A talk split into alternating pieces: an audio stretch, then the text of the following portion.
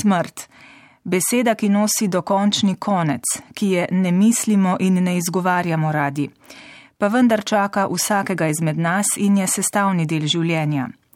O smrti se je Ana Štraus za Kroniko Plus pogovarjala z doktorico Matejo Lopuh, vodjo Centra za interdisciplinarno zdravljenje bolečine in paljativno oskrbo v splošni bolnišnici Jesenice ter državno koordinatorico za razvoj paljativne oskrbe pri Ministrstvu za zdravje. Vodi jeseniško mobilno paljativno enoto, ki je bila minulih deset let edina pri nas. Letos so dobili okrepitve tudi drugot po Sloveniji, v Murski soboti, Ljubljani, Novem mestu in Mariboru.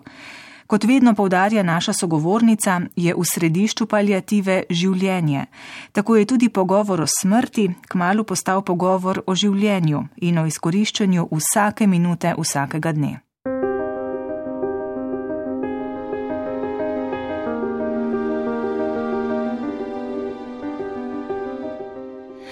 Matej Lopuh, lepo pozdravljeni. Ja, dober večer. Kar naporen teden je za vami, imam občutek, tudi v petek zvečer, ko začenjava najem pogovor, ste dan preživeli na okrog, na terenu, od petih zjutraj ste mi povedali po telefonu, skrbeli za čim bolj kakovostno življenje drugih. Kako pa poskrbite za kakovost svojega življenja? Kaj počnete v petek zvečer, če ste prosti? Če se to kdaj zgodi, seveda. Ja, to je eno bolj zahtevnih vprašanj v zadnjem času v mojem življenju. Nimam posebno določenih dni, ko skrbim za svoje dobro počutje, ampak skušam to skrb pač utkati v vsak dan. Ne. Rada bi se pogovorila o smrti, to sem vam napisala v uh, prvem e-mailu.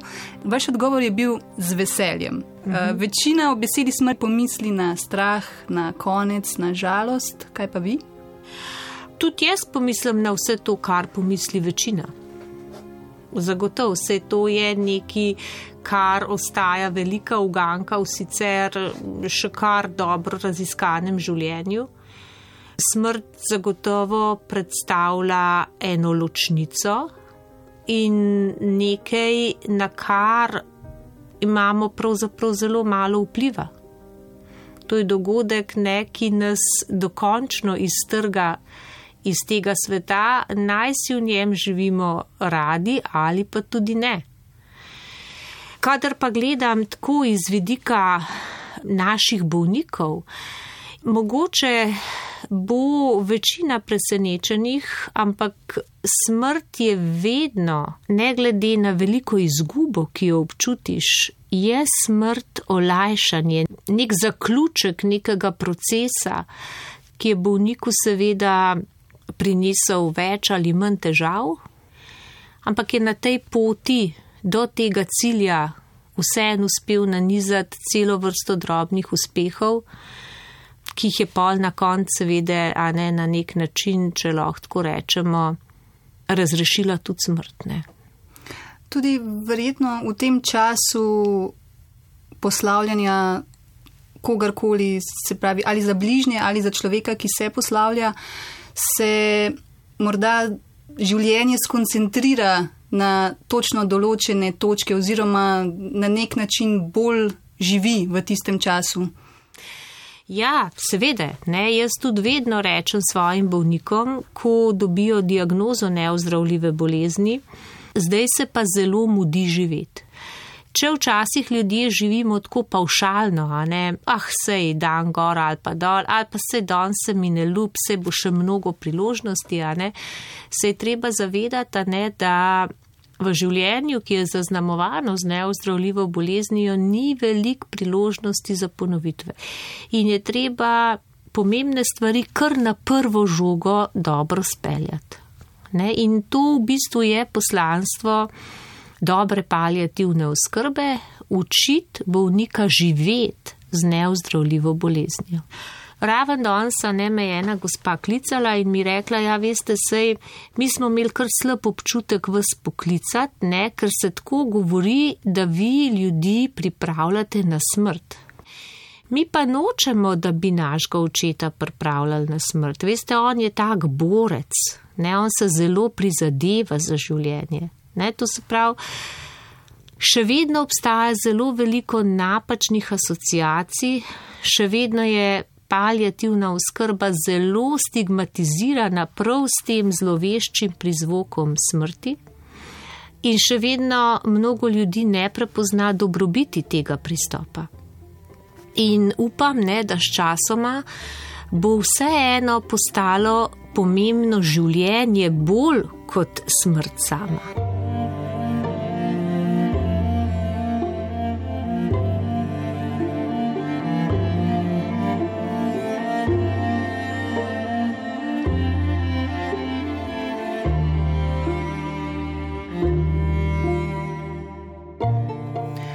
Omenili ste v enem od preteklih pogovorov, oziroma brala sem ravno to, da se še pogosto na Gorenskem, sicer vedno manj, uh -huh. soočate s tem, da ljudje ne radi poiščejo vašo pomoč zaradi te predstave, da je to v bistvu nekaj končnega, iz tega strahu, da ko se odločijo za palijativno oskrbo, da to pomeni, da dvigajo roke, da se predajajo. In mhm. vaš odgovor na to je bil: ne, to je palijativa, je življenje, je boj mhm. za vsako minuto, mhm. za vsako uro kakovostnega življenja. Ja, ja, ja.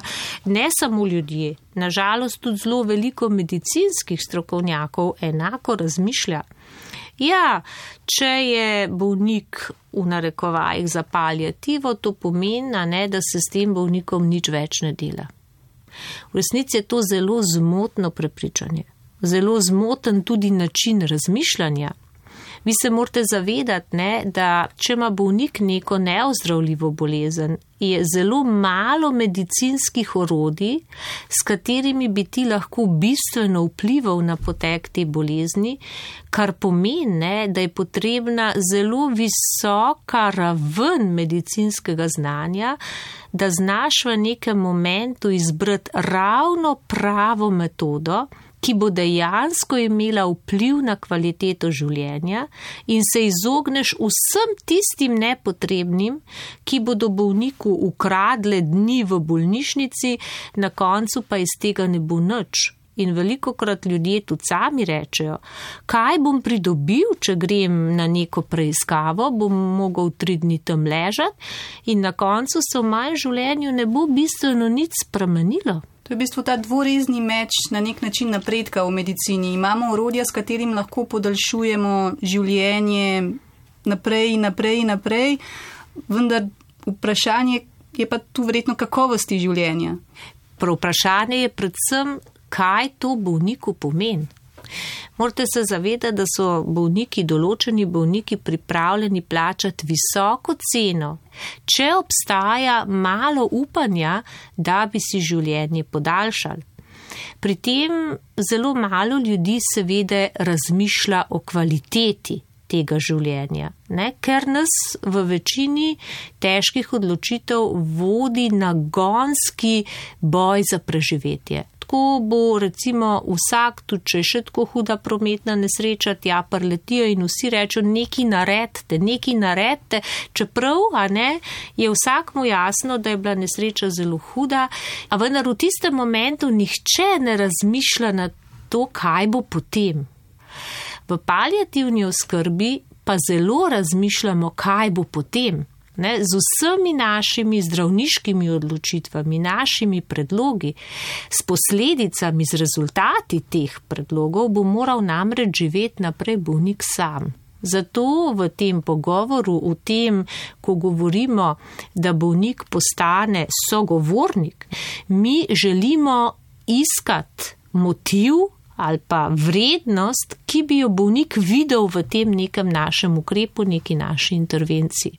Verjetno je strah pred smrtjo zelo pomemben tako pri posamezniku, kot tudi v zdravstvu, v zdravstveni stroki, da preprečuje v bistvu ta odkrit pogovor o tem, kako naprej.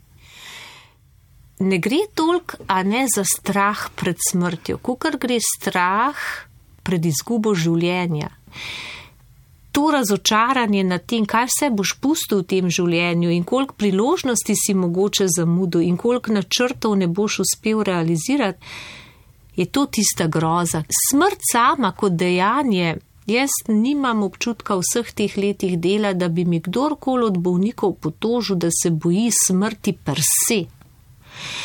Tisto, kar bi pa res rada povdarila, je, da se večina ljudi ne zaveda daru življenja, ki ga imajo, ne kljub tej bolezni, in koliko pravzaprav na nek način pridobijo v primerjavi z ljudmi, ki umrejo nenadne smrti.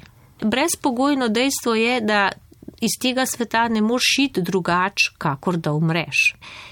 Ampak vendar je nekim ljudem dana možnost, da drugače speljajo ta zaključek življenja kot drugim. Ne? In tisto, kar vidim, ne, je, da bolniki, ki se tega ne zavedajo, umrejo žalostni, razočarani, zagranjeni. Kako to, da jim je to življenje tako spouzelo in nikoli ne znajo ceniti te prednosti, ki so jo v življenju na nek način pridobili.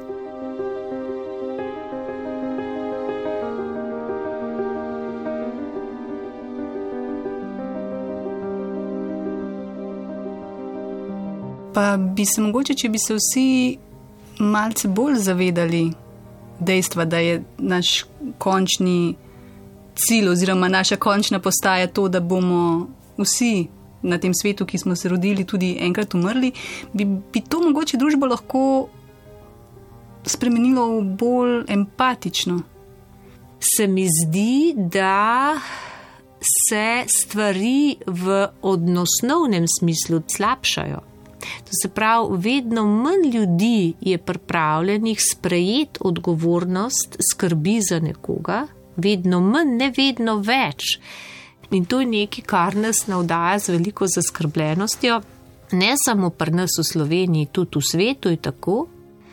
In obstaja zdaj več projektov po Evropi, ki imajo prav ta naziv, sočutna skupnost, ko se nazaj uči ljudi te skrbi za bližnjega ker to je ne na zadnje nekaj, kar nam daje človeško kvaliteto. Ne? Človek se dokazuje kot človek v skrbi za drugega. Če samo zase skrbiš, potem nikoli te vrednosti življenja ali pa te vrednosti človeka ne moš dojeti.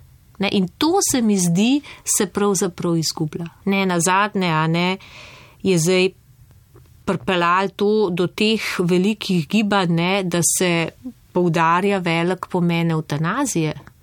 To se pravi, ljudje ne želijo biti v breme drugim ljudem in zaradi tega bi se rajš odločali za samostojno končanje življenja. To se pravi, ta človeška dimenzija pomoči drugim se bo s časoma, me zelo skrbi, vedno bolj izgubljala. Se vam zdi, da je eutanazija, ki ste jo omenili, da je upravičena v določenih primerjih? Oziroma je potrebna? Potrebna se mi zdi zagotovo ni. Mislim si pa, da bo v razčlovečenih družbah, v družbah, kjer bo vsak usmerjen na, na svoj performance, se pravi na svoje uspešno delo, v katerem ni prostora za druge ljudi bo mogoče celo postala nuja, ker tisti bolniki, tisti ljudje, ki ne bodo tega tempa zmogli, jih bo družba na nek način izločila in dala vedeti, da so na tem svetu odveč.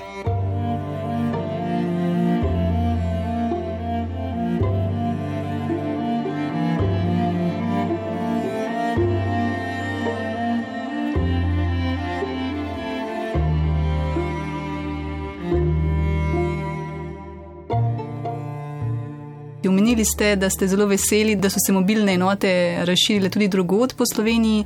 Kaj bi bilo treba na tem področju še narediti pri nas? Tisto, kar manjka, ne, je znanje osnovnega paljativnega pristopa. Ne. Treba je vedeti, ne, da te mobilne enote so specializirane enote. Mi se ukvarjamo samo s takimi bolniki. Pa vendar naši, naše pomoči ne rabijo vsi. A ne vsi pa rabijo za res osnovno paljativno podporo. To pomeni, da imajo lajšane simptome, da jih res ne boli v tem stoletju, da imajo možnost se pogovoriti z nekom o svoji bolezni, da svojci dobijo pravočasno zadostne informacije in delati na tej osnovni paljativni oskrbi, ki jo morajo biti čisto vsi bolniki z neozdravljivo boleznijo deležni, pa jo morajo zagotavljati seveda in bolnišnični specialisti in osebni zdravniki, ne, na tem je treba delati več. Na izobraževanju. Na izobraževanju, na premagovanju te zakostenele miselnosti, rajš ne bomo govorili o paljativni oskrbi, ker to pomeni, da smo od bolnika dvigali roke. Ali pa ne. Ja, če bomo bolnika uvrstili na paljativno listo, ne, kakšno paljativno listo, ne, potem bomo mu vzeli vse upanje. In vendar je resnica povsem drugačna bolnika v paljativno oskrbo uvrsti bolezen, ne zdravnik, ne sestra. Tako bolezen ima, ki je neozdravljiva in zato ga uvrstiš v paljativno oskrbo, ker veš, da se bo v življenju tem, kar ga ima, soočal z najrazličnejšimi tegobami, ki jih bo ali pa ne bo znal premagati in bo rabu pomoč. In uvrstitev v paljativno oskrbo pomeni v resnici veliko upanje, da boš zmogel živeti s to boleznijo čim dlje. Tudi raziskave kažejo na to, da bolniki, ki so deležni in tudi njihovi svojci, pravzaprav, da se življenjska doba podaljša uh -huh. ja, in res, da so tudi ja. stroški za bolnišnice tudi manjši. Res je, ja, ena prvih evidence-based, to se pravi z dokazi podprta raziskava, ki je bila narejena, je bila velika raziskava na področju pljučnega raka. To je pravzaprav materializirala tisto, kar smo mi izkustveno vedeli, ne? z dobro paljativno oskrbo, ne? z spodbujanjem njihove lastne motivacijske sposobnosti, bolniki dejansko živijo dlje. Zdaj, kar se stroškov tiče, ne, na stroškovnem smislu ni enotnega mnenja, ne, ker je ta uložek v razvoj specializirane paljativne oskrbe. Je kar velik. Vendar je pa to uložek v prihodnost. Je, je, vendar mora biti pol stalen, to se pravi, konstantna prisotnost enakega načina razmišljanja mora biti zagotovljena.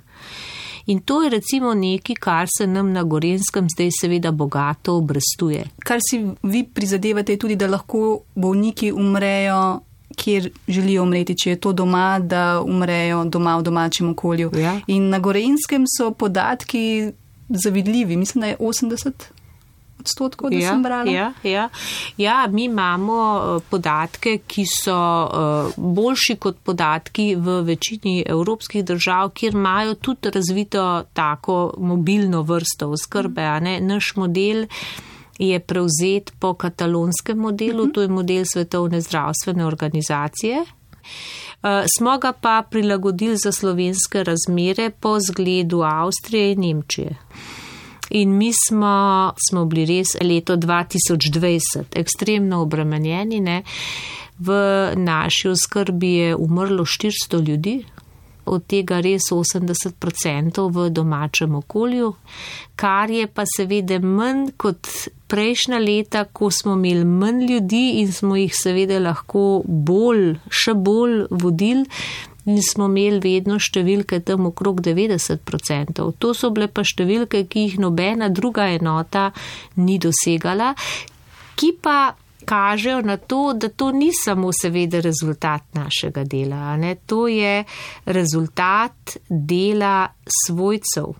Ne, ljudi, ki so na Gorenskem prepoznali to kot vrednoto, da je lahko nekdo doma. Mi imamo primer ene vasine, kjer ko je prvi doma umrl, so šli vsi v luft, neka pa se to prav, pa je cel življenje zavarovanje plačeval, zdaj bo pa kar doma, pa nad za njega ne naredite. Zdaj v tej vasi to postala vrednota. In jaz, ko sem prišla recimo že v tretjo hišo, so rekli, ja, naš bo tudi doma, tako kot sosed. Ne? To se pravi, ljudje so se spremenili v načinu razmišljanja. Zakaj pa je pomembno, oziroma zakaj si toliko ljudi želi umreti doma? Je zato, ker se doma počutiš varnega. Doma je svet, ki ga poznaš. Se moraš vedno na tej točki tudi soočiti s tem, da boš umrl, oziroma da, je, da si na koncu poti, uh -huh. da, se to, uh -huh. da se za to odločiš. Uh -huh. Ja, seveda. Ampak ne, še bolj grozen je pa, da ti itak to veš in greš nekam, kjer se zavedaš, recimo, da ne boš nikoli več, ne vem, videl tiste slike, ki ti je bila tako mhm. všeč, ki si jo imel na nočeno marc, ne boš mogel obleči tiste bluze, ne, ker ne moš eh, napakirati v kovček eh, cel kup mhm. stvari, ker vse en to ni potovanje, ne, na ka, kamor greš umreti v neko ustanovo. Ne. In to se mi zdi zelo tragično. Ne. Je pametno oziroma je treba načrtovati svojo smrt. Eni ljudje se tega zares lotijo zelo temeljito. Želijo ohraniti kontrolo nad vsem do zadnjega diha. Ne? Že smo imeli eno gospo, ki je vse že spakirala, vse razdala. In potem je, ko je gospa se tega bremena znebila, ne, je pa prav dolgo še živela ne, in ker je že vse stvari seveda razdala, jih je mogla pol že pa spet mal nazaj dobiti tudi um, zanimiv ne, je, da so na nek način ljudje bolj temeljiti v tem materialnem svetu, medtem ko v odnosih pogosto puščajo veliko vprašanj. Mislite, da če bi se več pogovarjali kot družba o vseh fazah življenja, da bi nam bilo na koncu lažje?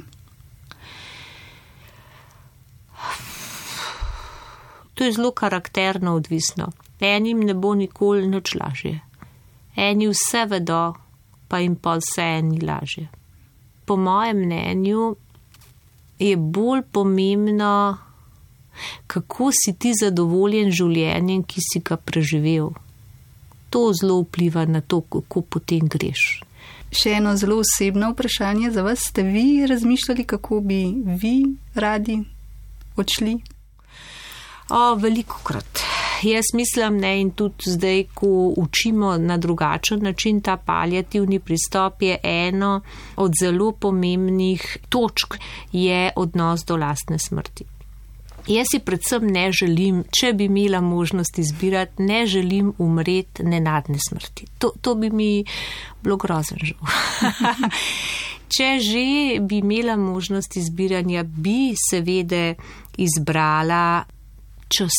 Torej da bi mi bolezen podarila nekaj časa, v katerem bi lahko stvari recimo še uredila na svoj način.